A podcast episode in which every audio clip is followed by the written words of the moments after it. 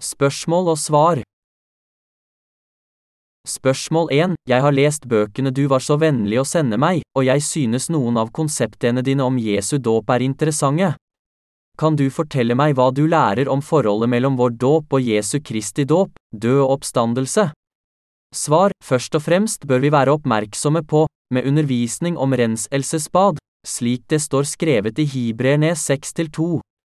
Ifølge Bibelen finnes det tre forskjellige dåper, døperen Johannes, omvendelsesdåp, dåpen Jesus mottok av døperen Johannes, og vår vanndåp som et ritual. Dåpen vi mottar er en bekjennelse av vår tro på Jesu dåp. Det vil si at vi blir døpt for å bekjenne vår tro på at vi tror at Jesus ble døpt for å ta bort alle våre synder og også døde på korset for å sone dem. Nå kan du forstå Matteus kvart over tre der det står, la det nå skje. Dette må vi gjøre for å oppfylle all rettferdighet. Her betyr for slik at Jesus selv bar alle verdens synder ved å bli døpt av døperen Johannes, hele menneskehetens representant. Det var Guds dype plan å redde oss fra syndens uunngåelige felle. Herren Gud, men skylden som vi alle hadde, lot Herren ramme ham. Jesaja 53-6, og gitt oss sin rettferdighet. Rettferdighet betyr her, dikaiose, dikaiosune, på gresk, som også betyr rettferdighet og rettferdighet. Det forteller oss at Jesus bar hele menneskehetens misgjerninger på den mest rettferdige og rettferdige måten ved å bli døpt med håndspåleggelse. Vi er blitt frelst ved vår sterke tro på Jesu dåp, død på korset og oppstandelse. Kraften fra den åndelige omskjærelsen, Romerne 2,29, i hans dåp, som fjernet alle våre synder fra våre hjerter, har vasket bort syndene i våre hjerter. Derfor sa apostelen Peter til folket, Venn om å la dere døpe Jesu Kristi navn, hver og en av dere, så dere kan få tilgivelse for syndene, og dere skal få Den hellige ånds gave. Apostlenes gjerninger 238, på pinsedagen. Alle syndere bør få syndenes forlatelse i sine hjerter ved å tro på Jesu navn. Hva betyr navnet hans? Og du skal gi ham navnet Jesus, for han skal frelse sitt folk fra deres synder, Matteus 1,21. Navnet Jesus betyr Frelseren, som frelser sitt folk fra alle deres synder. Hvordan har han frelst oss fra alle våre synder? Jesus har frelst oss fra alle våre synder gjennom sin dåp og død på korset. Da Jesu Kristi apostler forkynte evangeliet, sørget de for en klar forståelse av Jesu dåp og korset, slik at de lærte det sanne evangeliet, og deretter døpte de dem som trodde på det. Følgelig blir vi døpt for å bekjenne utad at vi innerst inne tror på Jesu dåp og død. Når vi blir døpt, bekjenner vi, takk, Herre, du bar alle mine synder i din dåp, døde for meg og oppsto for å frelse meg. Jeg tror på ditt evangelium. Vi blir døpt i vann av prestene som et symbol på vår tro på Jesu dåp og hans død på korset, akkurat slik han ble døpt av døperen Johannes. På samme måte ble de hellige i urmenigheten døpt som bevis på sin tro, etter at de hadde bekjent sin tro på evangeliet og fått forløsningen, syndenes forlatelse. Dåpsritualet er ikke en nødvendig betingelse for å bli frelst. Selv om det er svært viktig å tydeliggjøre vår tro, har vanndåpen ikke noe med vår frelse å gjøre. Vi kan bare bli frelst ved å tro på evangeliet om vannet og blodet. Bibelen sier at vi blir døpt til Jesus Kristus, Romerne 6-3, Galaterne 3-27, når vi tror på hans dåp. Hvordan kan vi da bli døpt til ham? Det er bare mulig når vi tror på hans dåp, siden kjødet, vårt gamle jeg, bare kan forenes med Jesus og korsfestes med ham ved at vi tror på hans dåp.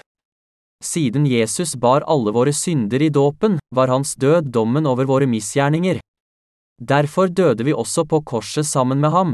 Kjødet vårt, som ikke kan annet enn å synde inntil døden, døde med andre ord for synden, og vi ble frelst fra alle våre misgjerninger i forening med Jesus gjennom hans dåp. De som er forenet med Jesus gjennom hans dåp og død, kan også forenes med hans oppstandelse. Hans oppstandelse er ikke bare vår oppstandelse fra syndens død, men den lar oss også bli født på ny som Guds barn og de innviede i, som er rene og syndfrie foran ham. Hvis vi ikke hadde lagt våre synder på ham ved å mistro hans dåp, kunne hans død og oppstandelse ha vært meningsløs og ikke hatt noe med vår frelse å gjøre.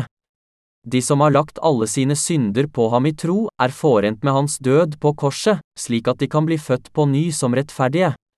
Men de som ikke har lagt alle sine synder på ham ved ikke å tro på hans dåp, har ikke noe som helst forhold til hans død og oppstandelse. Dåpen av de troende er troverdig på samme måte som vi kan godkjenne en mann og en kone som et juridisk par gjennom en bryllupsseremoni. De helliges dåp er en ytre proklamasjon av en slik indre tro. Når vi forkynner vår tro på dåpen og korset foran Gud, de hellige og verden, blir troen vår mer uforanderlig. Etter å ha misforstått den sanne betydningen av dåpen som Jesus mottok av døperen Johannes, bør vi ikke tro at vi kan bli frelst hvis vi ikke tror på hans dåp og dens betydning. Det er rett og slett et utspekulert knep fra djevelen. Vi kan få syndenes forlatelse og bli ønsket velkommen til himmelen ved å virkelig tro på Jesu dåp i våre hjerter i stedet for å tro på vår egen dåp. Spørsmål 2. Hvordan kan jeg si 'jeg er rettferdig' når jeg synder hver dag? Svar. Som mennesker begår vi synder fra vi blir født til vi dør. Dette skyldes faktisk vår grunnleggende natur, at vi synder fra begynnelsen. Derfor sier Bibelen, det finnes ikke en som er rettferdig, ikke en eneste. Romerne 10 over 3. Det er grunnen til at apostelen Paulus bekjente for Gud at det er et troverdig ord og vel verdt å ta imot, at Kristus Jesus kom til verden for å frelse syndere, og blant dem er jeg den største, 1 Timoteus kvart over ett. Men nå er Guds rettferdighet, som loven og profetene vitner om, blitt åpenbart uavhengig av loven. Dette er Guds rettferdighet som gis ved troen på Jesus Kristus til alle som tror. Her er det ingen forskjell, for alle har synde og mangler Guds herlighet. Men ufortjent og av Hans nåde blir de kjent rettferdige, frikjøpt i Kristus Jesus. Romerne 3.21-24. Denne, Guds rettferdighet, innebærer at døperen Johannes døpte Jesus i Jordan. Da han ble døpt, sa han til Johannes, la det nå skje. Dette må vi gjøre for å oppfylle all rettferdighet. Matteus kvart over tre. Han bar verdens synder på den mest rettferdige måten da døperen Johannes, hele menneskehetens representant, døpte ham. Derfor utbrøt Johannes dagen etter at han hadde døpt Jesus, se, Guds lam, som bærer bort verdens synd. Johannes 1,29. Hva betyr så, verdens synd, her? Det representerer alle syndene til alle mennesker fra Adam og Eva, de første menneskene på jorden, til det siste mennesket som kommer til å leve i denne verden. Fortidens mennesker tilhørte verden, nåtidens mennesker tilhører verden, og de som vil leve i fremtiden er også en del av verden. Jesus, alfa og omega, har ofret ett offer for alle tiders synder og båret alle verdens synder en gang for alle gjennom dåpen i Jordan og døden på korset. Og, for dette, er vi blitt heliget. Bibelen sier klart og tydelig, i kraft av denne viljen er vi blitt heliget ved at Jesu Kristi kropp ble båret fram som offer en gang for alle. Hibrerne ti over ti, legg merke til at dette er skrevet i perfektum presens. Vi er blitt heliget helt og fullt og uten synd, fra det øyeblikket vi trodde på Gud og frem til nå, og vil alltid være det. For Herren er den allmektige Gud, han har et fugleperspektiv på verdens begynnelse og ende. Selv om det er rundt 2000 år siden han ble døpt, tok han bort alle synder som mennesker har begått fra verdens begynnelse til verdens ende. Før han døde på korset, sa han derfor, det er fullbrakt. Johannes halv åtte, han tok bort alle verdens synder for rundt 2000 år siden og døde på korset for å vaske dem bort. Vi synder fortsatt, selv etter at vi er frelst, fordi kjødet vårt er svakt. Men Jesus har frelst oss fra alle fortidens, nåtidens og fremtidens synder ved å bære alle syndene på sin kropp i dåpen og ved å bli dømt for dem på korset. Dette er Guds fullstendige og rettferdige frelse. Hvis Jesus ikke hadde tatt med seg de syndene vi kommer til å begå i fremtiden, ville ikke et eneste menneske kunne bli frelst fra hverdagssynden, for syndens lønn er døden, Romerne 6,23. Da Jakob og Esau ennå lå i mors liv, skilte Gud dem i to nasjoner før de hadde gjort noe godt eller ondt, og elsket Jakob, men hatet Esau, og sa, Den eldste skal tjene den yngste, 1 Mosebok 25-23. Dette avsnittet antyder at Guds frelse ikke har noe med våre egne gjerninger å gjøre, men gis til dem som bare tror på Guds fullkomne frelse i hans dåp og korsfestelse. Vi mennesker er dømt til å havne i helvete som syndige vesener fra vi blir født til vi dør, men Gud forutså våre synder ved første blikk og vasket bort alle våre synder en gang for alle ved Jesu dåp og korset fordi han elsker oss. Vi lever i en velsignet tid. Profeten Jesaja sa, Tal til Sjørusalems hjerte og rop til henne at hennes strid er fullført, at hennes skyld er betalt, at hun har fått dobbelt fra Herrens hånd for alle sine synder. Jesaja 40-2 Tiden da vi var slaver under synden er over gjennom evangeliet om Jesu dåp og korset, og derfor kan alle som tror på evangeliet bli frelst fra alle sine synder. Dette er pakten jeg vil slutte med dem i dager som kommer, sier Herren, jeg vil legge mine lovbud i deres hjerte og skrive dem i deres sinn. Også, jeg vil ikke lenger huske syndene deres og all deres urett. Men der det er tilgivelse for syndene, trengs det ikke lenger noe offer for synd. Hibrerne 10-16-18 Gud dømmer oss ikke lenger for våre daglige synder fordi han allerede har vasket bort alle menneskehetens synder og dømt dem gjennom Jesus. Derfor kan vi vente på at Herren kommer og følge Hans ord, som de rettferdige uten synd, selv om vi fortsatt begår synder i våre liv. Spørsmål 3. Hva er Johannes' omvendelsesdåp? Svar. Døperen Johannes var en Guds tjener som ble født seks måneder før Jesus, og som ifølge Malakias skulle bli den siste profeten i Det gamle testamentet. Husk loven jeg ga Moses, min tjener, på Horeb for hele Israel, med forskrifter og bud. Se, jeg sender profeten Elia til dere før Herrens dag kommer, den store og skremmende. Han skal vende fedrenes hjerter til barna og barnas hjerter til fedrene, så jeg ikke skal komme og slå landet med bann.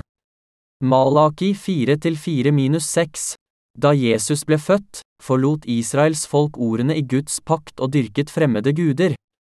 De ofret blinde og urene dyr og gjorde Guds tempel til et sted der de drev handel. Også Jesus Kristus er forutsagt i Moseloven og profetene.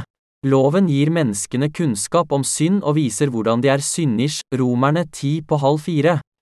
Det er synd å ikke overholde et eneste av budin som står skrevet i lovens bøker. I Det gamle testamentet brakte en synder som var ulydig mot noen av lovens paragrafer et syndoffer foran tabernaklet, la hånden på syndofferets hode for å overføre synden på det, og drepte syndofferet for å få tilgivelse for synden og bli forenet med Gud igjen. Deretter tok presten litt av blodet og la det på hornene på brennofferalteret og helte ut resten av blodet ved foten av alteret. Men Israels folk kunne ikke bli frelst fra alle sine synder, selv om de ofret utallige offer hver dag. Derfor innførte Gud en permanent ordning for dem, nemlig forsoningsdagen. Det var på denne dagen at Gud skulle tilgi deres årlige synder på den tiende dagen i den syvende måneden. På denne dagen tok ypperstepresten Aron to bukker og kastet lodd om dem, den ene til Herren og den andre til syndebukken. Deretter la han hendene på hodet på bukken for at Herren skulle legge alle Israels folks årlige synder på den. Så slaktet Aron bukken og tok blod og sprutet det sju ganger på foran nådestolen. Da han var ferdig med å sone for det hellige sted, ofret han det andre dyret. Han la hendene på hodet til den levende bukken og bekjente over den alle israelittenes årlige synder. På denne måten ble alle deres årlige synder overført på bukken, og den ble sendt ut i ørkenen av en passende mann. På denne måten ble israelittene frelst fra sine årlige synder. Offeret som ble ofret i henhold til loven i Det gamle testamentet, kunne imidlertid ikke gjøre dem som ofret år etter år, fullkomne. Det var bare en skygge av det gode, Messias' rettferdige gjerninger, som skulle komme, Hibrerne 10-1. Israels folk ventet ikke på Jesus Kristus, Frelseren. I stedet dyrket de den synders verdens fremmede guder og forlot profetenes ord i Det gamle testamentet. Derfor forutsa Gud at han ville sende døperen Johannes for å gjenopprette israelittenes hjerter, vende dem tilbake til ham og forberede hjertene deres på å ta imot Jesus Kristus. Før døperen Johannes døpte Jesus, døpte han Israels folk til omvendelse i Judies ørken. Hensikten med å døpe dem med vann var å få dem til å vente på og tro på Jesus. Han lærte at Frelseren ville bli døpt av ham ved håndspåleggelse for å ta bort alle verdens synder, og deretter korsfestet for å frelse dem fra alle deres synder. Han sa at Jesus ville komme og ta bort de ufullstendige ofrene fra fortiden og tilby det evige offeret med sin kropp, Han ville ta alle våre synder gjennom dåpen, akkurat som Israels folk ble frelst ved å bringe et syndoffer uten lyte, legge hendene på det og slakte det i henhold til offersystemet i Det gamle testamentet. Mange israelitter bekjente sine synder, angret og ble døpt av ham. Omvendelse betyr å vende om til Herren. De husket loven i Det gamle testamentet og kom til Johannes og bekjente at de var håpløse syndere som ikke kunne annet enn å synde til de døde. De bekjente også at de ikke kunne komme inn i himmelriket med sine gode gjerninger i henhold til loven, og vendte tankene tilbake til Jesus Kristus, som ville utslette alle deres synder en gang for alle og åpne porten til himmelriket. Dåpen som døperen Johannes ga Israels folk var følgende. Han lot dem bekjenne hvor mye de hadde synde i sine liv, omvendte seg også etter Jesus Kristus, som skulle døpes av ham, ypperstepresten og representanten for hele menneskeheten, og korsfestes for å frelse dem fra alle deres synder, akkurat som han døpte dem. Dette er en sann bibelsk omvendelse. Derfor utbrøt Johannes til folket, Jeg døper dere med vann til omvendelse. Men han som kommer etter meg, er sterkere enn jeg, og jeg er ikke verdig til å ta av ham sandalene. Han skal døpe dere med Den hellige ånd og ild. Matteus 3,11 Døperen Johannes vendte folks oppmerksomhet mot Jesus og vitnet om at Jesus skulle ta bort alle verdens synder, Johannes 1,29, og dø for dem i deres sted for tre deres sted. Dermed vitnet Jesus selv om at Johannes kom for å vise oss rettferdighetens vei, Matteus 21,32. Spørsmål 4. Tror du ikke at det å forstå Jesu dåp som en forutsetning for frelse vil gjøre hans død på korset i evangeliet ugyldig? Svar, Jesu dåp og hans død på korset er like viktige for vår frelse. Vi kan ikke si at den ene er viktigere enn den andre. Problemet er imidlertid at de fleste kristne i dag bare kjenner til Jesu blod på korset. De tror at de har fått tilgivelse fordi han døde på korset, men det er ikke bare på korset Jesus tok bort verdens synder siden han ble døpt av døperen Johannes og bar alle verdens synder på ryggen, kan hans død på korset i praksis være dommen for alle våre synder. Å tro bare på korset uten å døpe Jesus er akkurat som å ofre et offer til Herren uten å legge hendene på det. De som ofret på denne måten, kunne ikke bli frelst for sine synder, fordi det var et lovløst offer som Herren Gud ikke kunne godta. Herren kalte på Moses og talte til ham fra møteteltet og sa, hvis det er et brennoffer av storfit, skal han bære fram et hanndyr uten feil. Han skal ofre det foran inngangen til telthelligdommen, så han kan vinne velvilje for Herrens ansikt. 4. Han skal legge hånden på brennofferets hode, så det kan bli tatt imot med velvilje og gjøre soning for ham. 3. Mosebok 1-3 minus 4. Herren er rettferdig og lovlydig. Han har etablert et rettferdig offersystem for å vaske bort syndene våre. Når vi ofrer et lovemessig offer, blir offeret godtatt av Herren for å gjøre soning for oss. Uten håndspåleggelse kan ikke noe offer være akseptabelt for Gud. På samme måte kan vi ikke motta syndenes forlatelse med en slik tro hvis vi utelater Jesu dåp fra vår tro på ham. En av de vanligste feilslutningene dagens kristne tror på, er at de bare kan bli frelst ved å bekjenne Jesus som sin frelser, for Herren er kjærlighet. Bibelen sier jo, men hver den som påkaller Herrens navn, skal bli frelst, apostlenes gjerninger 2.21, romerne 10.13, men den sier også, ikke alle som sier til meg, ikke enhver som sier til meg, Herre, Herre, skal komme inn i himmelriket, men den som gjør min himmelske Fars vilje. Matteus 7,21 For å kunne bekjenne at Jesus er frelseren, må vi kjenne frelsesloven som Gud har fastsatt. Hvis vi kan bli frelst bare ved å tro på Jesu navn, ville det ikke være noen som helst grunn til å skrive om offersystemet i Det gamle testamentet om dem som praktiserer lovløshet i Matteus 7,21-23. Den fantastiske og fullkomne måten Herren frelste på, er imidlertid tydelig beskrevet i Bibelen. I tredje og fire, Mosebok kapittel 3 og 4 står det klart og tydelig at en synder måtte legge hånden på offerets hode for å overføre sine synder på dets hode, og deretter drepe det og sanktenke blod av det når han ofret syndoffer og takkoffer.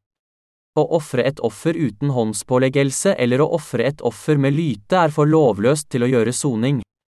Både ordene i Det gamle og Det nye testamentet har sine tilsvarende ekvivalenter, Jesaja 34 16.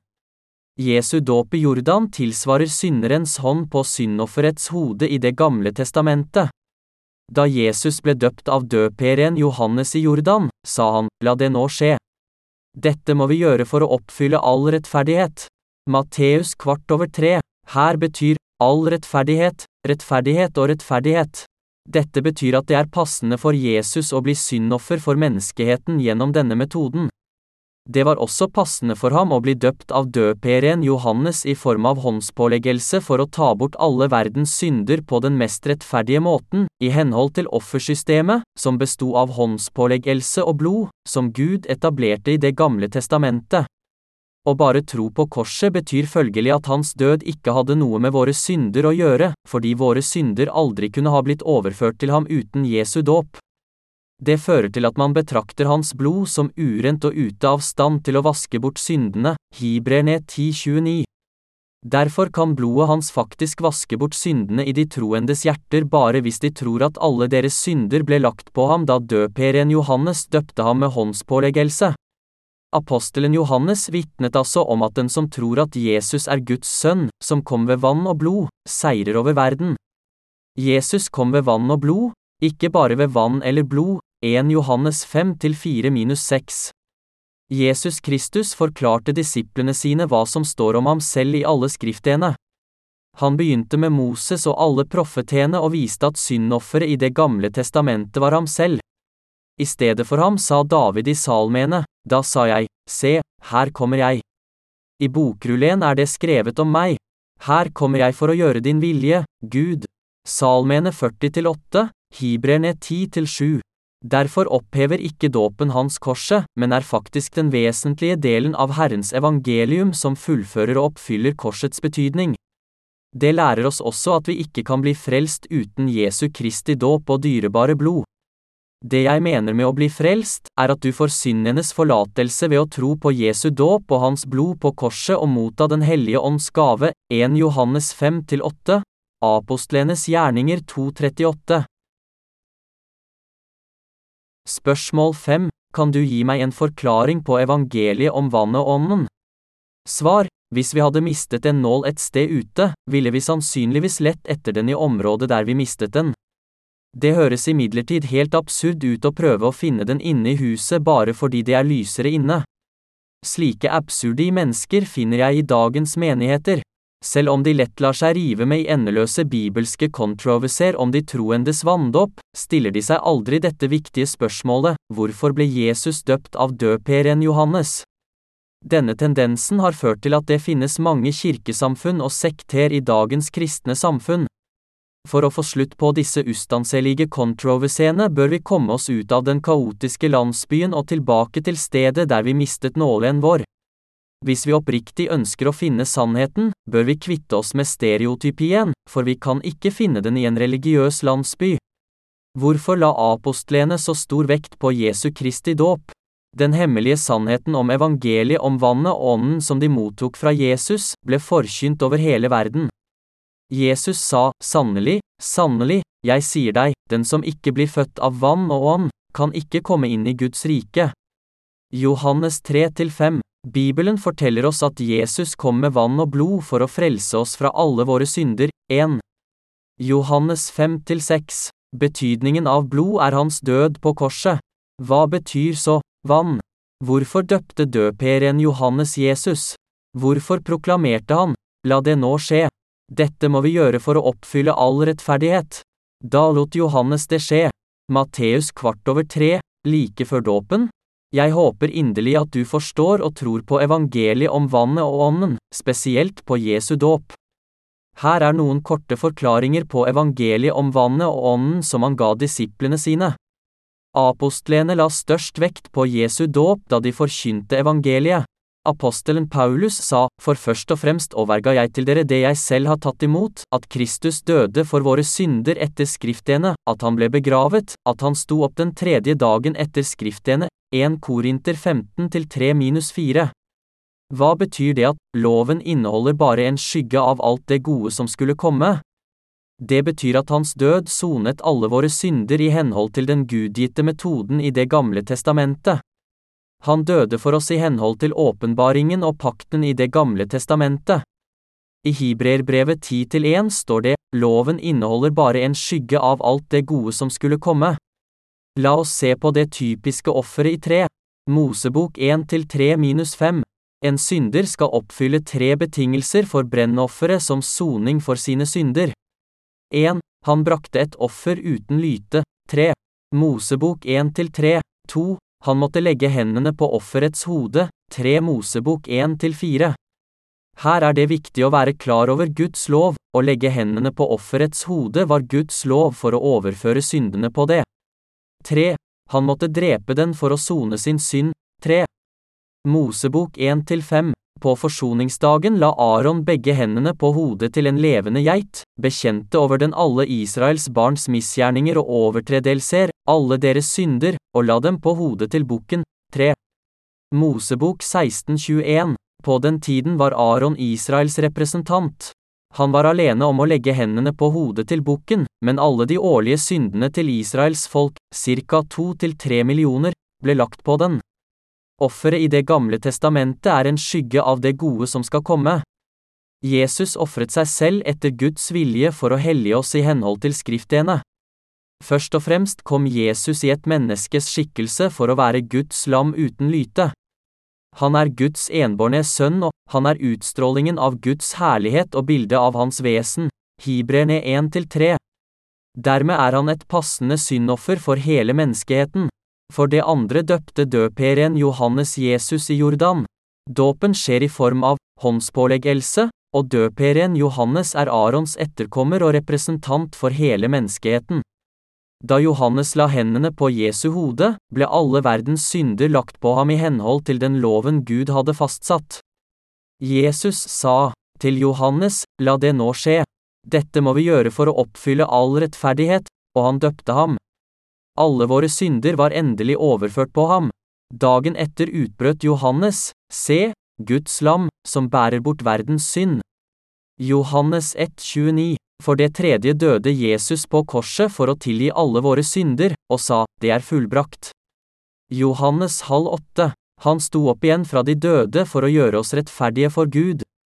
Husk at det ble ofret et syndoffer for å få syndenes forlatelse. En synder måtte legge hånden på offerets hode før han drepte det. Hvis han glemte et eneste skritt, med andre ord hvis han unnlot å legge hånden på offerets hode, kunne han ikke bli frelst fordi han hadde praktisert lovløshet. Hvis en kristen ikke har noen anelse om hva dåpen betyr, må vedkommende ha synder i hjertet og kan ikke bli frelst bare ved sin egen tro. De fleste kristne kjenner bare halvparten av hans rettferdige handling. Apostelen Johannes tydeliggjør evangeliet i sitt første brev. Han, Jesus Kristus, er den som kom gjennom vann og blod ikke bare med vannet, men med vannet og blodet. Og Ånden selv er vitne, fordi Ånden er sannheten. 1 Johannes 5-6 Det er mange steder i Bibelen som underbygger hvor viktig dåpen er for å fullføre hans rettferdige gjerning for vår frelse. Alle kristne bør vende tilbake til evangeliet om vann og ånd. Spørsmål 6. Hvilke skriftsteder beviser at apostlene la stor vekt på Jesu dåp? Svar. Først og fremst bør vi skille betydningen av vår egen dåp fra betydningen av Jesu dåp. Vi kan ikke bli født på ny bare ved å motta vanndåp. Vi kan bare bli født på ny ved å tro på Jesus Kristus. Ritualer som dåp eller omskjærelse er ikke nødvendige betingelser for å bli frelst av Gud. Bibelen definerer ikke de troendes vanndåp som et must for deres frelse. Derimot legger den stor vekt på dåpen som Jesus mottok av døperen Johannes.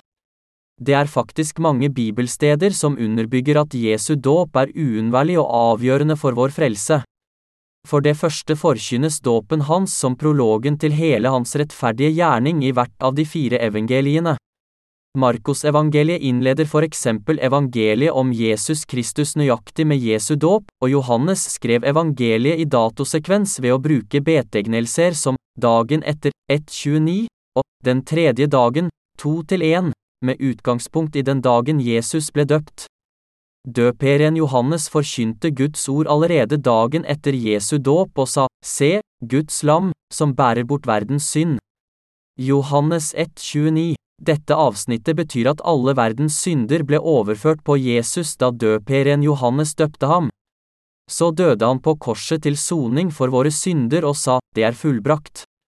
Johannes halv åtte, Johannes halv åtte, og sto opp igjen fra de døde på den tredje dagen. Apostelen Paulus sa også, Kristus døde for våre synder etter skriftene 1 Korinter 15-3. Skriftene refererer her til Det gamle testamentet. Hvordan kunne en synder ofre for å få tilgivelse i Det gamle testamentet? Han måtte legge hånden på syndofferets hode før han slaktet det. Hvis han hadde unnlatt å legge hånden på syndofferets hode, kunne han ikke ha fått tilgivelse for å ha ofret et ulovlig offer. Apostelen Paulus sa, eller vet dere ikke at alle vi som ble døpt til Kristus Jesus, ble døpt til hans død? Romerne 6-3, hvordan kan det da være mulig at vi er døpt til Jesus? Å bli døpt til Kristus Jesus er å tro på hans dåp ved Jordan, ikke bare på vår egen vanndåp. Når vi tror på at døperen Johannes overførte alle våre synder på ham ved å legge hendene på Jesu hode, kan vi bli døpt til ham. Alle dere som er døpt til Kristus, har kledd dere i Kristus. Galaterne 3.27 De som gjennom Johannes døperen Johannes i tro la alle sine synder over på Jesus, er blitt Guds syndfrie barn. I ham ble også dere omskåret, men ikke av menneskehender. Dere ble omskåret med Kristi omskjærelse da dere kledde av dere den kroppen som kjøttet har makten over. Kolosserne 2.11 Måten å bli befridd fra synden på ved å avlegge kjøddets synder er å bli åndelig omskåret uten hender. Romerne 2.29 sier, Omskåret er den som er omskåret i hjertet, det vil si å tro på Jesu dåp, som kutter av syndene i våre hjerter, sa apostelen Paulus. Dette er et bilde på dåpen, som nå frelser også dere. Dåpen er ikke å vaske kroppen ren for sitt, men en bønn til Gud om en god samvittighet, i kraft av Jesu Kristi oppstandelse. 1. Peter 3,21 Dåpen er et motbilde som frelser oss.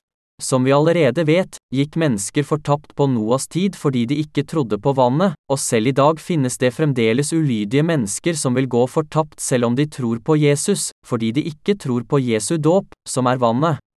Apostelen Johannes avslørte alt om evangeliet i sitt første brev, der han skrev, Han, Jesus Kristus, er den som kom gjennom vann og blod ikke bare med vannet, men med vannet og blodet.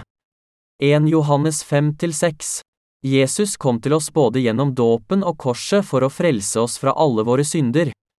Johannes sa også, for det er tre som vitner, ånden, vannet og blodet, og disse tre samstemmer. 1 Johannes 5-7-8 Dette forteller oss at Jesu dåp, korset og ånden til sammen utgjør en fullkommen frelse. Jesus sa til Nikodemus, sannelig, sannelig, jeg sier deg, den som ikke blir født av vann og ånd, kan ikke komme inn i Guds rike. Johannes 3-5 Vi blir født på ny av vann og ånd. Troen på hans dåp i vann og på korset er alt du trenger for å bli frelst og motta Den hellige ånd som gave. Det er dette Bibelen sier om å bli født på ny. Derfor sa apostelen Peter, venn om å la dere døpe Jesu Kristi navn, hver og en av dere, så dere kan få tilgivelse for syndene, og dere skal få Den hellige ånds gave. Apostlenes gjerninger 238 For å få tilgivelse for alle synder og Den hellige ånds gave må du ha en uforanderlig tro på Jesu dåp av hele ditt hjerte. Hva mer kan vi si? Ikke fornekt sannheten om at så mange skriftsteder støtter hans dåp som en uunnværlig gjerning av hans rettferdighet for vår frelse. Kristendommen må vende tilbake til evangeliet om vann og ånd. Derfor skal vi nå gå videre fra det første vi lærte om Kristus, fram mot full modenhet. Vi vil ikke på nytt legge grunnvollen med omvendelse fra døde gjerninger og tro på Gud, to med undervisning om renselsesbad og håndspåleggelse, om de dødes oppstandelse og om evig dom. Hibrerne 6-1 minus 2. Her kan vi få en pekepinn på hvordan vi kan finne det opprinnelige evangeliet i urkirken. De lærte bort læren om dåp, håndspåleggelse, oppstandelse fra de døde og evig dom til dem som nettopp var blitt kristne. Vi bør alle tro på at Jesus tok bort alle våre synder gjennom dåpen og døde på korset for å bli dømt for våre synder i henhold til Guds rettferdige lov. Spørsmål 7. Det er det jeg allerede har trodd og lært, med mindre du bare legger vekt på den ofte ignorerte Jesu dåp. Hva er så annerledes med evangeliet om vann og ånd? Svar, å bli frelst, betyr å få forlatelse for alle synder. Det betyr også å bli født på ny. Når en synder blir en rettferdig person ved å tro på livets evangelium, sier vi at han, hun er født på ny av vann og ånd ved Jesu frelse. Den hellige ånd kommer over dem som er frelst og født på ny og vitner om at de er Guds barn. Derfor er det tross alt det samme, å motta syndenes forlatelse, å motta Den hellige ånd, å bli frelst, å bli født på ny, å bli Guds barn og å bli et rettferdig menneske. Jesus sa, Jeg er veien, sannheten og livet. Ingen kommer til Far uten ved meg. Johannes 14-6, noe som betyr at det bare er gjennom Jesus, Guds enbårne sønn, at vi kan komme inn i Guds rike.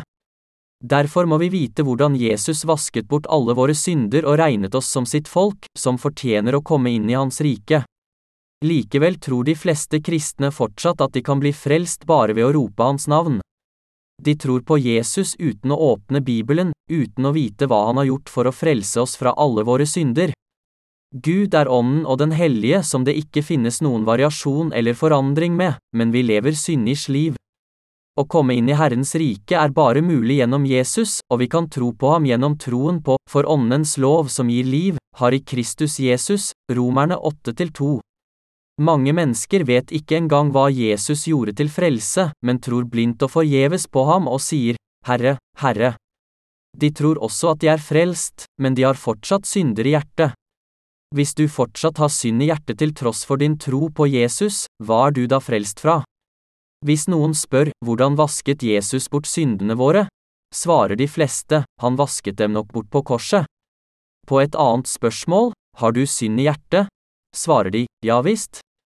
Hvem kan være helt fri for synd på denne jord? Navnet Jesus betyr Frelseren som frelser sitt folk fra deres synder, Matteus 1,21. Vi tror på Jesus for å bli frelst fra synd.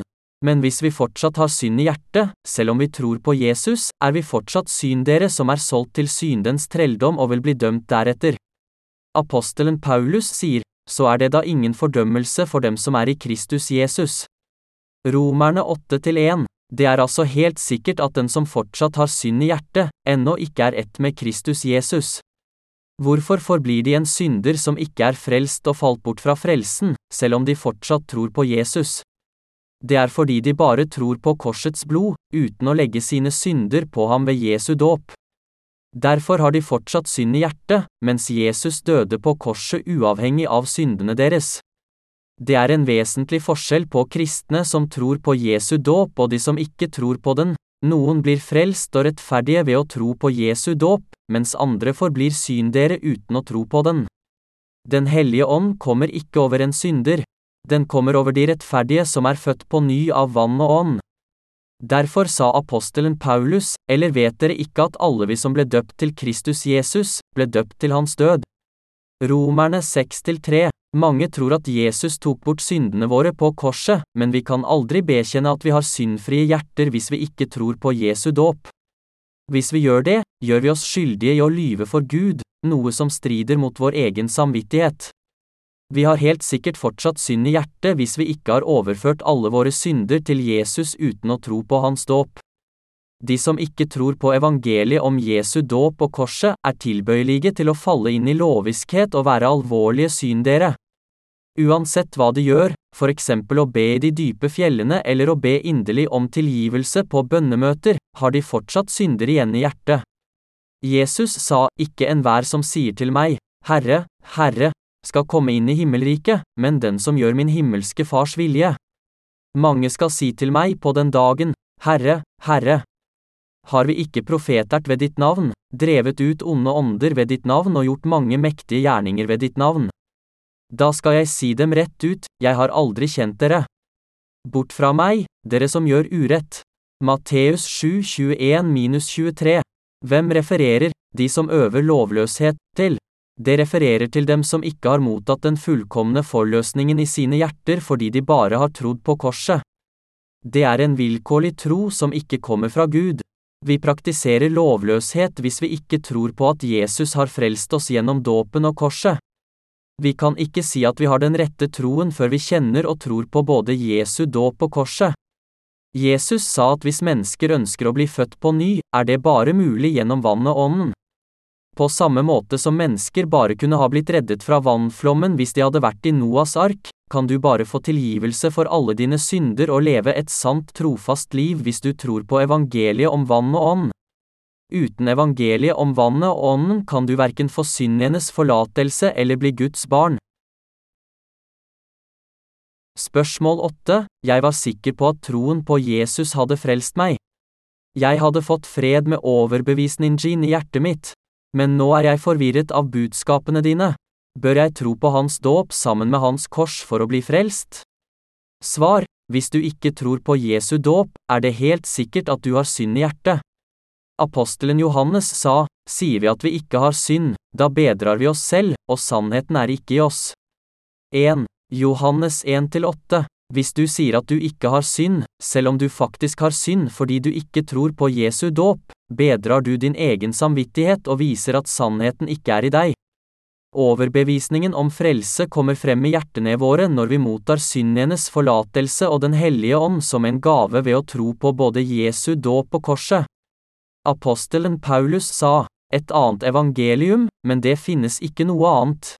Galaterne 1-6-7 Ingenting annet enn evangeliet om vann og ånd, som apostlene mottok fra Jesus og forkynte for folk, kan frelse oss fra alle våre synder. Hvis vi ikke tror på evangeliet om vann og ånd som apostlene forkynte, har vi helt sikkert fortsatt synd i oss. Hvordan kan vi leve med overbevisningen om frelse når vi fortsatt har synden i oss? Når kristne, som ennå ikke er født på ny, oppfører seg bra foran Gud, er de sikre på at de er frelst i full glede og overbevisning, men når de begår alvorlige synder, mangler de overbevisning og er redde på grunn av syndens byrde i hjertet. Det er en pesudofrelse basert på deres egne tanker og følelser, ikke fra Gud. De er tilbøyelige til å be om omvendelse hver dag for å bli gradvis helliggjort og for å beholde sin frelse som er lett å miste. De som tror på denne falske frelsen, tror at de endelig vil bli helt frelst en dag hvis de lever et hellig liv, ber Gud om tilgivelse hver dag og holder loven i gjerninger. Likevel er de fortsatt syndere hvis de ikke har lagt sine synder på Jesus gjennom troen på hans dåp. Frelsen som Gud har skapt, er en fullkommen frelse, som forteller oss at Jesus tok bort alle verdens synder i Johannes' dåp i Jordan og utslettet dem på korset. Apostelen Johannes sa, men dersom vi bekjenner våre synder, er han trofast og rettferdig, så han tilgir oss syndene og renser oss for all urett. 1 Johannes 1-9 Hvis vi ikke hadde fått alle våre synder tilgitt gjennom evangeliet om vann og ånd fordi vi ikke visste om det, må vi bekjenne for Herren at vi fortsatt er syndere, selv om vi tror på ham og vet at vi er dømt til å havne i helvete på grunn av våre synder. Dette er en sann synsbekjennelse. Synd kan ikke vaskes bort uten evangeliet om vann og ånd, uansett hvor liten synden er. Når vi bekjenner på denne måten, vasker evangeliet om vann og ånd bort alle våre synder på en gang og gjør oss rettferdige. Nå er tiden inne. 2. Korinter 6-2 Alle som hører og tror på evangeliet om Jesu dåp og korset, blir frelst fra alle sine synder, blir rettferdige og får en sterk tro på at de alltid er rede til å komme inn i himmelriket når Herren måtte komme. Troen på andre doktriner og teologier enn det sanne evangeliet kan ikke frelse oss fra alle våre synder. Det er bare utspekulerte knep som djevelen har lagt inn i menneskenes tanker. Vi bør vende tilbake til evangeliet om vann og ånd og ta imot den sanne frelsen fra syndene i våre hjerter. Dette er å elske ham og hans verk. Spørsmål 9. Hvis din forståelse av vann og ånd var riktig, ville det ikke vært mulig for tyven på korset å bli frelst. Hvis tyven på korset ble betraktet som et unntak fra regelen, ville ikke Gud være rettferdig, fordi han brøt sin egen regel om adgang til riket. Hvordan kan du forklare at tyven på korset ble frelst? Svar. På den tiden ventet alle jøder på den profeterte Messias. Derfor kjente de godt til loven og offersystemet, som Gud hadde gitt gjennom Moses, mer enn noe annet folk. De trodde at Messias ville komme i henhold til Guds forsoningslov og befri dem fra alle deres synder. De trodde imidlertid ikke at døperen Johannes døperens dåp av Jesus var fra Gud og skulle legge all verdens synder på Jesus, Markus 11,27-33, men de betraktet ham snarere som en mann som førte folket på avveier og korsfestet ham. Siden romere var beskyttet mot pisking og korsfestelse i henhold til romersk lov, apostlenes gjerninger 5 på halv 11.29, 23,27, ser vi at tyvene på korset ikke var romere, men jøder. Vi ser også at tyven var en jøde som fryktet Gud når han sa, Jesus, husk på meg når du kommer i ditt rike. Lukas 23, 42. Den jødiske tyven kjente allerede loven og offersystemet som Gud hadde gitt til Moses. Derfor trodde han at Messias ville komme i henhold til Guds soningslov. De som kommer til Gud, må bekjenne at de er syndere og dømt til å havne i helvete på grunn av sine synder. Tyven bekjente sine synder og sa, For oss er dommen rettferdig, vi får bare igjen for det vi har gjort. Lukas 23, 41 At tyven fryktet Gud og håpet på å komme inn i himmelriket, ser vi også av det han sa, Jesus, husk på meg når du kommer i ditt rike. Lukas 23, 42 Han sa, men han har ikke gjort noe galt. Lukas 23, 41 Hva visste tyven om hva Jesus hadde gjort? Han trodde at Jesus var unnfanget av Den hellige ånd, født av jomfru Maria, døpt av døperen Johannes, representant for hele menneskeheten, at han tok bort alle verdens synder og ble korsfestet. Han var en jøde som trodde på det Jesus gjorde for alle mennesker, inkludert ham selv, selv om han ble korsfestet for å få lønn for sine gjerninger på jorden. De som bekjente sine synder gjennom Johannes' dåp, anerkjente Guds rettferdighet da de hørte at alle deres synder ville bli overført på Jesus gjennom hans dåp. Men de som ikke tok imot Johannes' omvendelsesdåp, forkastet Guds vilje fordi de heller ikke trodde på Jesu dåp, Lukas 7,28-30. Tvert imot, tyven som ble frelst, bekjente at alt Jesus gjorde var riktig og rettferdig, mens de andre jødene ikke gjorde det. Han kan ha vært en av de jødene som hadde hørt alt det som var blitt oppfylt blant dem, Lukas 1-1. Han kunne endelig si at Jesus var rettferdig og den profeterte Messias fordi han på korset endelig kom til tro på at Jesus tok bort alle hans synder gjennom dåpen. Dermed var han frelst. Han ble også frelst ved å tro på evangeliet om vann og ånd. Fordi Gud er rettferdig, rettferdiggjør han dem som tror på Jesu dåp og korset etter sin lov om livets ånd. Spørsmål 10. Siden Gud er nådig og barmhjertig, vil han da ikke anse oss som rettferdige, selv om vi har synd i hjertet, bare vi tror på Jesus? Svar. Gud er kjærlighet og rettferdig. Derfor dømmer han synden rettferdig uansett hva som skjer. Syndens lønn er døden, Romerne 6,23. Det betyr at en synder er dømt til helvete etter å ha blitt dømt. Han skiller de rettferdige fra synderne, akkurat som han skilte lyset fra mørket. Gud kaller dem som ikke har synde ved å tro at Jesus har vasket bort alle deres synder gjennom dåpen og korsfestelsen, til å være rettferdige. Men de som fortsatt har synden i seg, fordi de ikke tror på Jesu dåp, er syndere for Guds åsyn. Det er de som ikke tror på vannet, med andre ord Jesu dåp, akkurat som menneskene på Noas tid ikke gjorde det.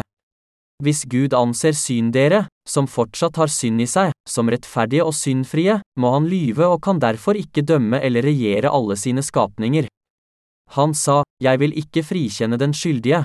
2 Moses bok 23-7 De ugudelige er de som følger og stoler mest på menneskers tradisjoner og setter til side evangeliet om vann og ånd, som Gud har forløst oss fra alle våre synder med på den mest rettferdige og rettferdige måten.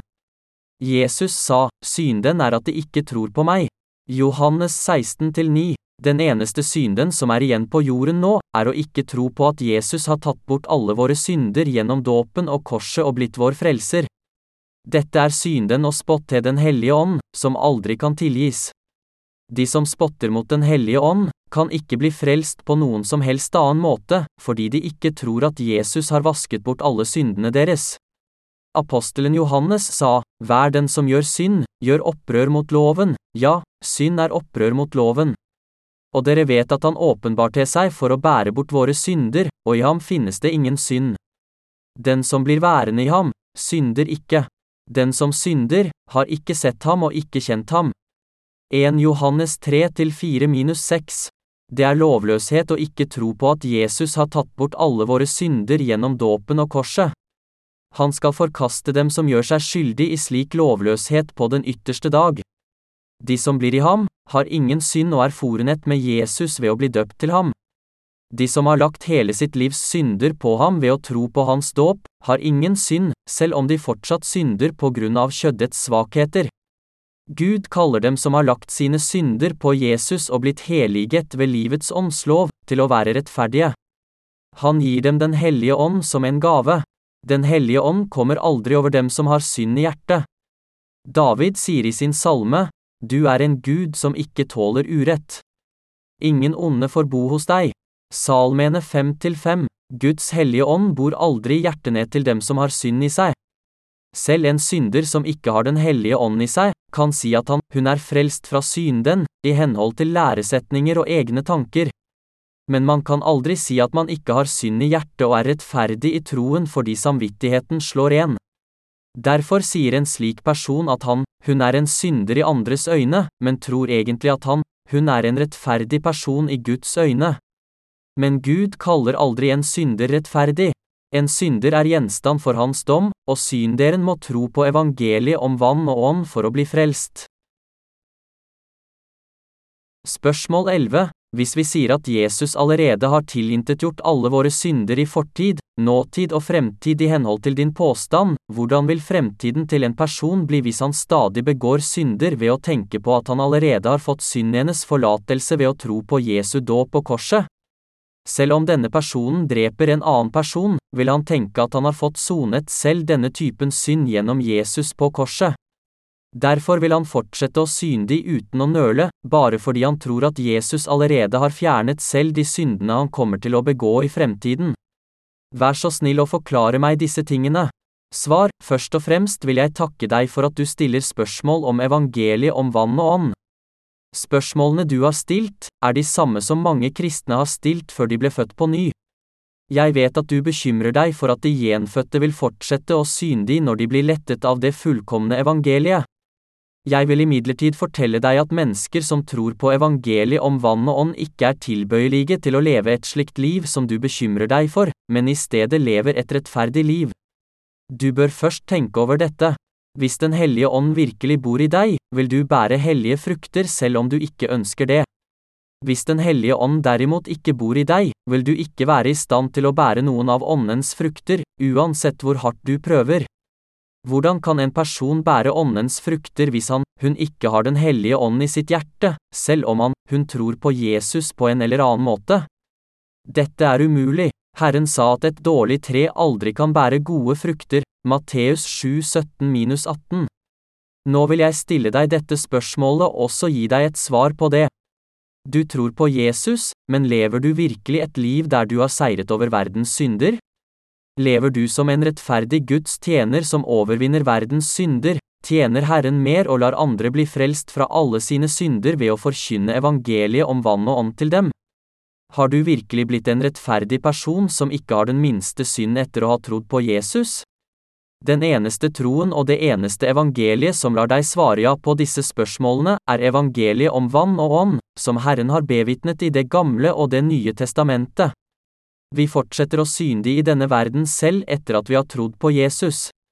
Men Vår Herre ble døpt av Johannes og utøste sitt blod på korset for å frelse oss fra alle verdens synder. Derfor har Herren gjort de rettferdige gjerningen for oss, og vi er blitt frelst fra våre synder gjennom troen på Guds rettferdighet, Herrens dåp og blod som Han har fjernet syndene våre med. Jeg vil stille deg noen spørsmål igjen. Er du fri fra samvittighetens synder? Var du ikke en synder selv etter at du trodde på Jesus, slik du var før du trodde på ham? Hvis dette stemmer, er det sannsynligvis fordi du ikke kjente til evangeliet om vann og ånd. Derfor har du havnet i kjøddets problemer og distraksjoner fordi du ikke har ånden i hjertet. Uansett hvor trofast troende du er, kan du bare unnslippe kjøddets tanker ved å tømme hjertet ditt og ta imot evangeliet om vann og ånd. Du bør forkaste dine kjødelige tanker og vende tilbake til Guds skrevne ord for å forstå at evangeliet om vann og ånd er sannheten. Det er mange mennesker i denne verden som forandrer frelsesloven som Herren har fastsatt på den måten de selv ønsker, selv om de bekjenner seg til Herren med sine lepper. Hvis du er en av disse menneskene, vil Herren forlate deg på den ytterste dag. Jeg håper at dette ikke vil skje med noen i denne verden. Jeg ber om at du ikke er en person som tror at Jesu blod på korset er det eneste som kan frelse deg, og at du har stilt spørsmål ut fra et ønske om å leve resten av livet uten synd. Men tankene dine er kjøddets tanker som, for det bøyer seg ikke under Guds lov og kan heller ikke gjøre det. Romerne 8-7 Paulus sier, de som kjøtt og blod har makten over, kan ikke være til glede for Gud. Romerne 8-8 Hvis du virkelig ønsker å ha den troen som behager Gud, bør du tro på Herrens bemerkelsesverdige verk, der han kom til verden gjennom jomfru Maria, tok over menneskehetens synder gjennom dåpen som døperen Johannes mottok ved Jordanelven, og dermed oppfylte all Guds rettferdighet. Hvem tror du kan utføre Guds rettferdige gjerning, en rettferdig person eller en synder? En synder er fortsatt midt i synden fordi han, hun ikke har fått synden hennes forlatelse for Gud. Derfor er det eneste som venter en slik person, dommen for hans, hennes synder. Gud kan ikke la syndere komme inn i sitt rike, for du er en Gud som ikke tåler urett. Ingen onde får bo hos deg.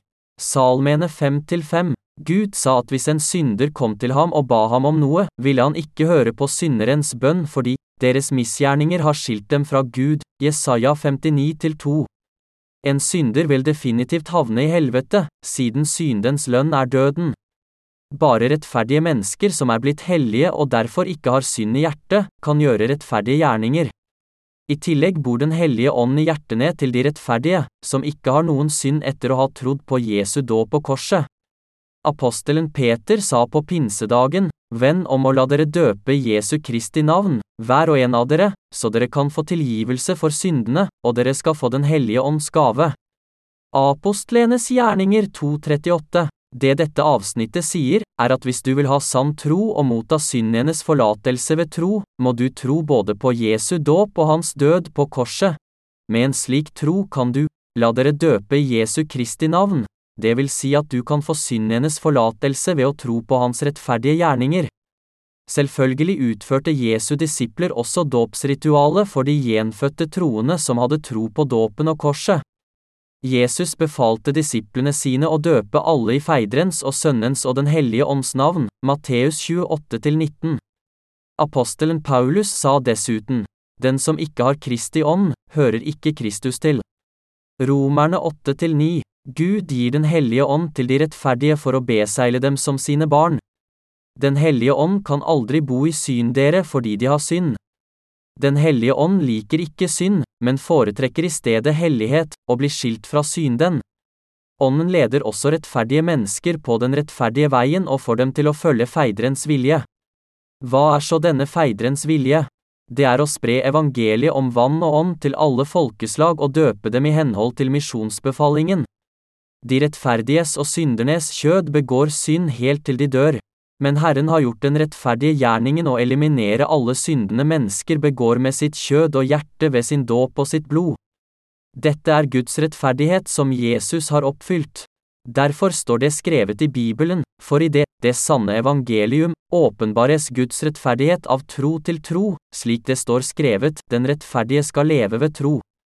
Romerne 1,17 En person som har fått syndenes forlatelse ved å tro på Guds rettferdighet, vil vinne over, syndens og dødens lov, og i stedet følge hans rettferdighet.